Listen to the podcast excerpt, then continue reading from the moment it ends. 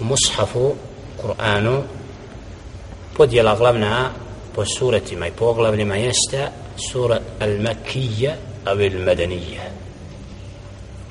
znači sura koja je objavljena ili većina sure i ajeta koji su objavljeni u mekanskom periodu takva sura nazivamo mekanskim surama a sura koje su objavljene nema se stiditi slobodno dođi prije nas jer imaš se već u navod Allah prosti što kasnije? No. koje su objavljene u periodu Mekan, Medinskom nosi naziv Al-Medanija čitajući tefsir na početku svake sure naći ćemo u sadržajima te izraze sura Al-Makija ili Medanija zbog čega bitno da istaknemo taj period? Zato što propisi i ajeti i sadržaj ajeta u mekanskom periodu jasno se razlikuje od značenja i propisa u medinskom periodu. Jer period kada je Kur'an objavljen Muhammedu alaihi sallatu wasalam i kada je mnoštvo džehla bilo u Mekke i neprijatelja na svakom koraku protiv čistog dina i vjere Jelle še'nu u tom periodu kroz ajete i objavlju raspravlja sa mušricima i ukorava njihov din pogrešan njihovu vjeru krivu gdje su iskrivili i krivo vjeruju Allaha subhanahu wa ta'ala uzeli idole poredali u Allahovim kućama kipove kojim žrtvu prinose i vjeruju da su oni posrednici između čovjeka i Allaha subhana.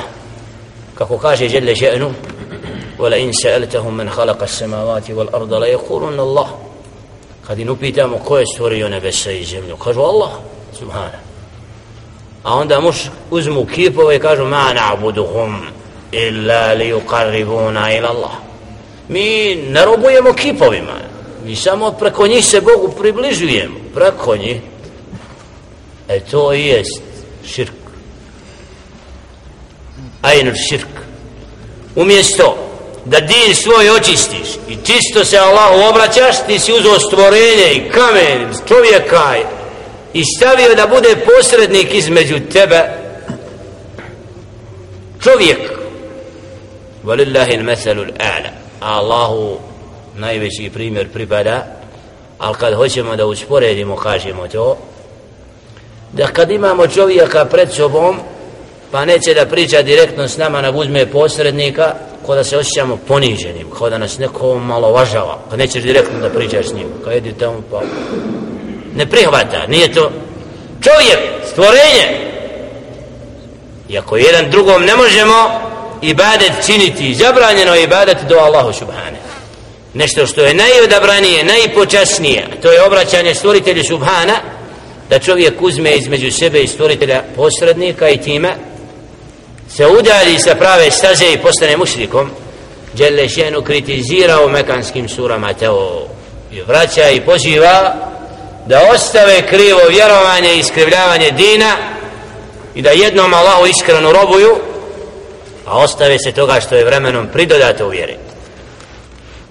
Sallallahu alaihi ve sellem samo zbog toga što je obznanio i javno rekao da je njihovo poimanje pogrešno u dinu i vjeri je napada izolovan on i njegova skupina u mekanskom periodu iskušenja koja su prošli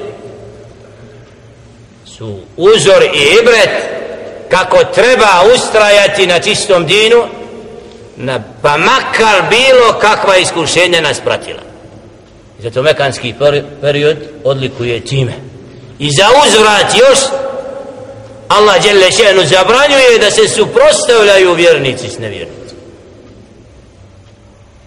Kufu i dijekom ruke sebi, nemoj slučajno da bi vi počeli s njima bitku.